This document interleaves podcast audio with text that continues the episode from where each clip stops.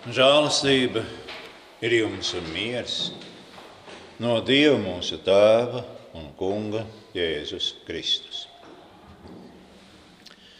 Uzklausiet Dieva svēto vārnu, kas uzrakstīts Pāvila pirmajā vēstulē Tesaloniķiešiem.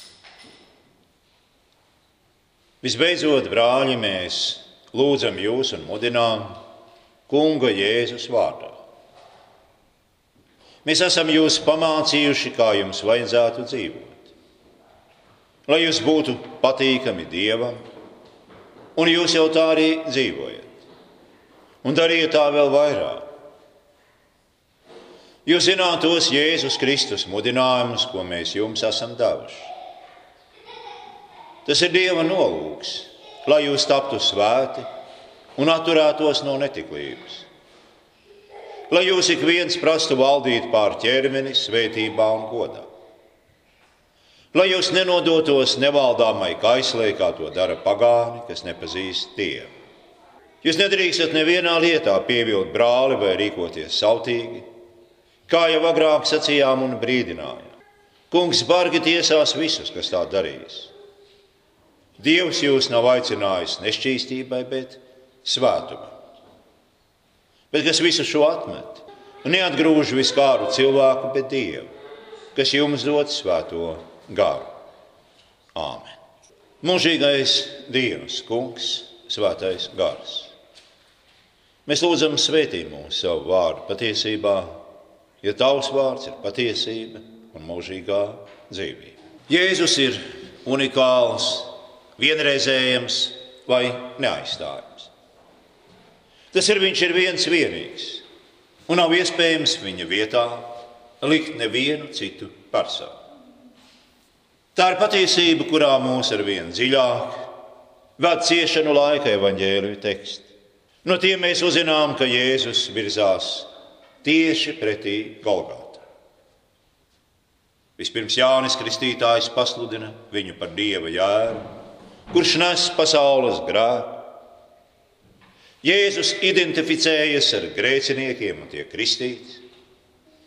Kristībās uzņemoties visas cilvēces grēkanas. Turpat viņš tiek pasludināts par dieva dēlu, un tam sako vēlnu kārdinājumu. Mūsu labā Jēzus paliek pie savas cilvēcības un noraida jebkādu pārdabisku spēku izmantošanu, lai pierādītu, ka viņš ir Dievs. Un tur jau ir redzama krusta ēna. Un tā turpina sakot viņam visu laiku. Īsi sakot, evaņģēlīja neļauj uzskatīt krustu par nejaušu lietu. Jēzus neatlaidīgi un noteikti virzās pretī Golgātai. Un tas ir tik izteikti redzams ka daži mēdz saukt evaņģēlijus pat par Jēzus ciešanu stāstiem ar īsu priekšvārdu. Viņš ir tāds, kāds viņš ir tikai krustā sists. Visā pasaulē ir tikai viena galva, tikai viens tur krustā sistais, tikai viens Jēzus un tikai viens pestītājs. Tas, protams, neatbilst cilvēku domāšanas kategorijai. Neatkarīgi no tā, vai mēs tās saucam par vēsturiskām, zinātniskām vai racionālām. Mūsu kategorijas ir atkarīgas no analoģiem, jeb līdzīgiem, salīdzināmiem gadījumiem. Ja ievietojam Jēzu kādā cilvēku kategorijā, viņš sāk atšķirties no citiem tikai ar pakāpi. Nu, teiksim, svētāks, morāli pilnīgāks un tā tālāk. Kas notiks, ja ievietosim Jēzu tādā kategorijā kā dižani vīri vai lieli skolotāji? Pakārtots mūsu kategorijā. Jēzus kļūs vai nu par cilvēces skolotāju, vai kādas cilvēciskas patiesības vai ideāla ilustrācija. Ja, piemēram, Jēzu mēs redzam, kā pasaule izturas pret labu, svētu cilvēku. Viņš kļūst par cēlu mocekli vai satraucošu, emocijas uzjundošu piemēru. Vai mēs varētu iekļaut seno grieķu filozofu Sokrātā, Sok, Sokrātu vienā kategorijā ar Jēzu. Diženā grieķu filozofa nāve būtībā nemaina viņa mācību. Sokrāta nāve patiešām bija cēlā. Bet pat ja mēs par to nekā nezinātu, viņa mācība un tās nozīme paliktu tāda pati. Turpretī, ja mēs neko nezinātu par Jēzus nāvi, mēs viņu vienkārši vispār nepazītu. Jebkurš stāsts par Jēzu, kas nesabrūk līdz ar viņa ciešanu nāves ignorēšanu, nav stāsts par Jēzu. Kad kādam liberālam 20. gadsimta teologam reiz tika vaicāts, vai viņa mācības sabruktu bez Jēzus, viņš atbildēja: Nē.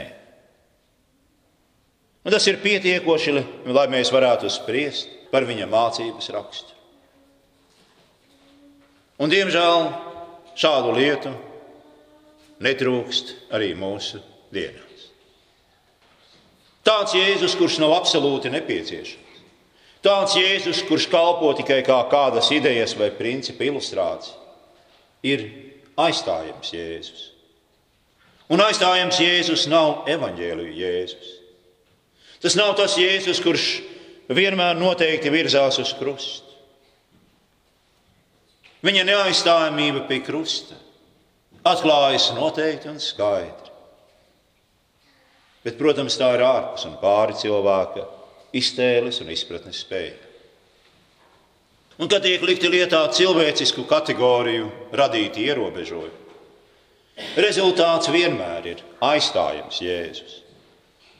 Tad evaņģēliju jēzu esam padarījuši par cilvēku prāta konstrukciju. Pagājušajā svētdienā mēs dzirdējām, kā Jēzus cīnījās par mums cilvēkiem ar sātu. Mēs sapratām, ka Viņš ir viens ar Dievu, ka Viņš ir Dievs priekš mums. Pēc cilvēciskiem un sātana kritērijiem Viņš nebija Dieva dāvāts. Dieva priekš mums nozīmē un lielums izpratne par to, ka Dievs mūs bezgalīgi mīl, arvien vairāk un vairāk pieaug, sakojot Jēzum pretī Golgata. Tas pārņem mūs, satver mūsu sirdis. Nav lielākas mīlestības par to, ko mēs redzam Jēzu pie krusta. Un tas uzvar mūs. Viņš tika kristīts ar šo mīlestību kad viņa kristībā saskanēja tēva balss no debesīm. Šis ir mans mīļais dārsts. Tā ir mīlestība, kurā slēpjas neaizstājamība. Mīlestība, kurā slēpjas personība, jeb mīlestība, kas rada personas. Mīlestība ir iespējama tikai personu starpā. Kā ir ar mums? Cik nožēlojami, aizstājami esam kļuvuši? Cipari, vienības, sociologu statistikā. Rūpnīca rada darba spēku vienības. Tautai ir nepieciešams noteikts skaits zaldātu, jeb lielgabalu gaļas. Bez noteikta bezdarbnieku skaita ekonomika iziet no rāmjiem. Ar koronavīrusu saslimuši vairāk nekā 80 tūkstoši. Vīrusa radītās panikas dēļ biržu indeksi krituši vairāk par 10%. Pāris dienu laikā cilvēce zaudējusi vairākus triljonus ASV dolāru. Lūk, tā ir mūsu dzīve, kas tiek izteikta statistikas datos. Tā ir dzīve, kurā neaizstājamajam, unikālajam jēzum nav vietas ja vien nepārvēršam viņu par kādu statistikas vienību, lai iekļautu savā salīdzināmās kategorijā. Redziet, patīk mums tas vai nepatīk. Jēzus nav mērams. Un tādējādi viņš nav arī salīdzināms. Ne ar vienu un ne ar ko. Šī dienas evaņģēlijas turpina iepriekšējā svētdienā iesākto stāstu par Jēzus uzvaru pār vēlnu un demoniskajiem spēkiem. Atklājot viņa mīlestību pret mums cilvēkiem. Pats sveštautietes meitai viņš dāvā savu uzvaru, brīvību no demoniskās tumsas varas. Viņš ir neaizstājams, nemērams, neskaitāms. Viņš ir vienīgais glābējs no tumsas spēkiem, no vēlna, ēles un nāves. Savukārt šīs svētdienas vēstules teksts koncentrējas uz cilvēka dzimuma attiecību. Un tas liek vaicāt, kas gan tām kopējas ar Jēzus vienreizīgu, ar viņa neaizstājamību. Nu, sāksim ar to, ka aizvietojamība cilvēka dzimuma attiecību jomā ir iekāres pazīme. Kāds britu apoloģēts saka, ka mēs izmantojam visneveiksmīgāko idiomu, kad sakām, ka iekāres pārņemts vīrietis vēlas sievieti. Stingri ņemot, sieviete ir tieši tas, ko viņš nevēlas. Tā vienkārši ir nepieciešams rīks, lai iegūtu baudu, pēc kuras viņš augs. Un pēc tam kļūst diezgan skaidrs, cik daudz viņam rūp pati sieviete. Brīvība dzimuma attiecībās, kā savstarpēji izmantošana, baudas gūšana, ir raksturīga mūsdienai. Un te ir arī vieta mīļajai statistikai. Varam dzirdēt cilvēkus lepojamies, ar cik tā saucamajiem partneriem tie ir pārgulējuši. Kārtīgi cilvēki, protams, šādas lietas nicina. Kārībai ir jābūt rafinētākai, lai nokļūtu pie kārtīgai. Varbūt ne tik daudz izsmalcinātākai, cik slēptai. Sātans kā gaismas eņģelis, mīlestība kā likums pats par sevi. Viss var notikt, kas notiek mīlestības vārdā. Mīlestības vārdā var nodot uzticību, Mīlestības vārdā var nodot draugu, riskēt izpostīt otra cilvēka dzīvi. Ja tas tiek darīts mīlestības vārdā, tad tas ir attaisnojams. Lai cik perversi tas izklausītos.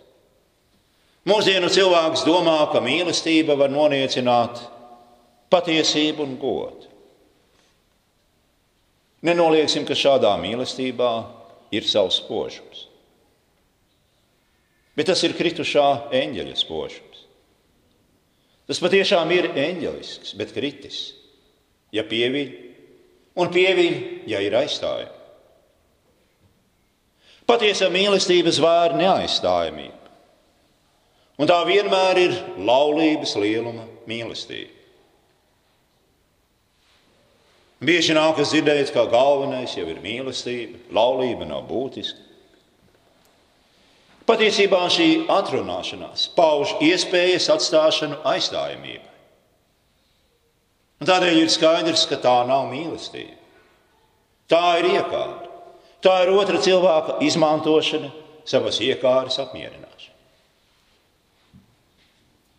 Kaut kas mazāks starp vīrieti un sievieti par laulībām. Vai nu vēl nav sasniedzis pilnību, vai arī ir viltots, neīsts, nepatiess. Pat pirms mīlestība ir kļuvusi neaizstāvama. Tur jau ir brīnums, ir noslēpums, sevis aizliekšana, rūpes par otru cilvēku. To pavada sāpīga nenoteiktība, svētlaimīgas un satraucošas sajūtas, prieka un briesmu apzināšanās. Tas ir jūtams visā nārvu un ķermeņa ķīmijā. Kas jādara tagad? Tagad sevis disciplīnai, savaldībai ir jāņem virsroka. Jāņem virsroka tik ilgi, līdz mīlestība var izaugt pilnā mērā. Mīlestībai pieaugot, arvien samazinās spēlētāja bailes, kas mudina ņemt laimes un pārtraukt spēju. Mēs spēlējam līdz varam samaksāt pilnībā, pilnu cenu. Tad spēle sākas pa īstu. Kāda ir pilna cena spēlē pa īstu? Tā ir priekos un bēdās, laimē un nelaimē, bagātībā un nabadzībā, līdz nāve mūs šķirs. Viena no lietām, ko pamanām laulātu ļaužu starpā, ir šķietama nesadarība. Nu, kā var viņš varēja apprecēt viņu vai viņa viņu? Patiesībā tas ir dums jautājums. Jo tikai viņi, šie divi, ir savā neaizvietojamā stāvoklī. Un neskatoties uz savām īpatnībām, viņi ir viens otru pieņēmuši un kļuvuši par vienu miesu. Mīlestības pārliecinātajā neaizstājamībā lietas atrod savu vietu. Laulība ir mīlestības vieglā, dedzīgā, rotaļīgā un laimīgā māja. Atbrīvota no izmisīgajiem sevis apliecināšanas, realizēšanas un piepildījuma meklējumiem. Laulībā ir atrodams mūsu šīs zemes dzīves piepildījums, jēga un saturs. Visi tie, kas meklē ko vairāk, kas tiecas pēc kā lielāka, nepazīst dzīvi un padara nelaimīgus paši sevi un citus. Protams, mūsdienu cilvēki ar nožēlu raugās uz šādām lietām, uzskatot laulības par vecmodīgām, nevajadzīgām un pat traucējošām. Ir taču jāiepazīst vienam otru un jāizvērtē sadarība visādā ziņā, un tad taču nav ko atlikt. Ir jāķeras pie lietas un jāķeras jo ātrāk, jo labāk. Un visa tā rezultātā ir notikusi šausminoša dzimuma attiecību devalvācija. Padomājiet par vienu lietu. Padomājiet par to, ka pasaulē, kurā cilvēku parasti uzskata par dzīvnieku, viņa seksualitāte norāda uz pavisam kaut ko citu, uz tuvību, uz sevi aizliedzošu, upurējošu dzīvi un centieniem kas ir tiešā pretrunā ar šo dzīvniecismu. Tiesa, mēs varam kļūt liecinieki tuvības gadījumiem, kas ir tik degradējoši, ka nekavējoties jāizslēdz gaisma, lai to neredzētu. Šādas tuvības priekšapmaksa parasti ir jūtu un cilvēcības zudums, ko rada pārmērīga iepriekš, iepriekšēja alkohola vai citu apreibinošu lietu lietošanu. Kristiešiem ir liels darbs, skaists uzdevums. Mācīt pasauli atgūt dzimumu attiecību krāšņu. Tā vietā, lai paši aizbildinātos, bet visi jau tā dara. Tagad ir citi laiki. Nu, nedari tā, kā visi dara. Dari tā, kā ir pareizi, un māci to arī citiem. Un, ja tu dzirdi, ka tev saka, ka tagad nav viduslaiki, atbildi, bet tagad nav akmens laikmets. Jo tas, kā cilvēki dzīvo mūsdienās, ir apmēram tā, kā dzīvoja akmens laikmetā. Pagriezīsim savas muguras, aizstājamības tumsas darbi. Glābsimies no tā priecīgi nododot savas vīģu lapas. Tam cilvēkam, ar kuru dienas gaišajā gaismā, dieva un cilvēku priekšā apsolām neaizstājami. Tas ir mīlestības un dzimuma attiecību lielums, diženums uz kuru kristieši tiek aicināti. Un tas ir iespējams pateicoties tam, ka viņiem ir neaizstājams Jēzus. Viņš nav aizstājams ar iedomātas mīlestības, pašapliecināšanās alku. Viņš ir parādījis mums patiesības, patiesas mīlestības lielumu un raksturu. Pateicoties tai unikālajai apmaiņai ar mums, kas notika Golgātā, kur viņš mīra par mūsu grēkiem, kur viņš mira mūsu vietā. Un tas mums padara Jēzu par absolūti neaizvietojumu. Un tieši viņa dāvana un saistošās prasības vīrietim un sievietei ir, lai viņi dzīvo kā vīrs un sieva bez aizvietojamības, neaizstāja, kamēr nāve viņu šķirs. Tas ir tas, kā dzīvo viņš un viņa līgava baznīca par kuru viņš mīra, un ar kuru kopā viņš svin savu kāzu mīlestību. Viņš ir neaizstāvams. Un viņš ir pilnīgi uzticams. Un tāda ir arī viņa līgava baznīca. Tur, kur tā tāda nav, tā nekas vairāk kā pasaulīgas iekāres pārņemta padaudz. Bet mēs būsim uzticīgi savam diženajam aicinājumam, patiesi mīlēt un atmetīsim visas pasaulīgās bailes, šaubas un neusticību. Un dzīvosim tā, kā mūsu neaizstājamais, vienreizējais, unikālais kungs mums ir mācījis dzīvot.